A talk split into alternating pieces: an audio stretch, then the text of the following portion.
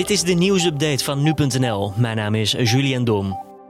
Tijdens een inbraak in het museum Singer in Laren is in de nacht van zondag op maandag een kunstwerk van Vincent van Gogh gestolen. Het gaat om het werk De Pastorie te Nuenen. Museum Singer werd opgericht in 1956. Werken van de Amerikaanse kunstverzamelaar William Singer vormen de kern van de museumcollectie. In het museum hangen werken van onder andere Vincent van Gogh en Piet Mondriaan.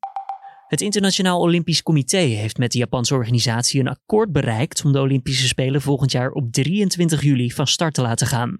Het wereldwijde evenement zou door de nieuwe datum precies een jaar worden uitgesteld.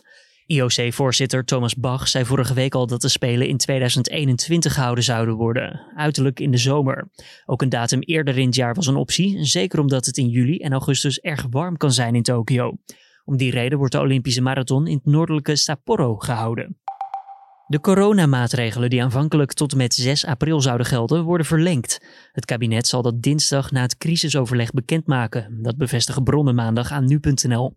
Het gaat dan om zoveel als mogelijk thuiswerken. Scholen, kinderopvang en horeca blijven gesloten. Anderhalve meter afstand houden van elkaar en het samenscholingsverbod vallen er ook onder. Over het besluit wordt nog overlegd. Maandag bespreekt de coalitie dit met het kabinet. En dinsdag staat het crisisberaad met premier Mark Rutte en de betrokkenen ministers op de agenda.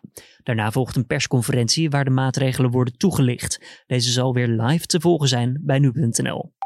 Transavia schrapt alle vluchten tot en met 6 mei vanwege de verspreiding van het coronavirus.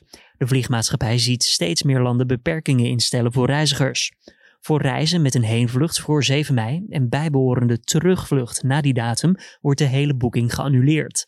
Naar verwachting zal door de streep van Transavia ook reisorganisatie Sunweb meer reizen annuleren.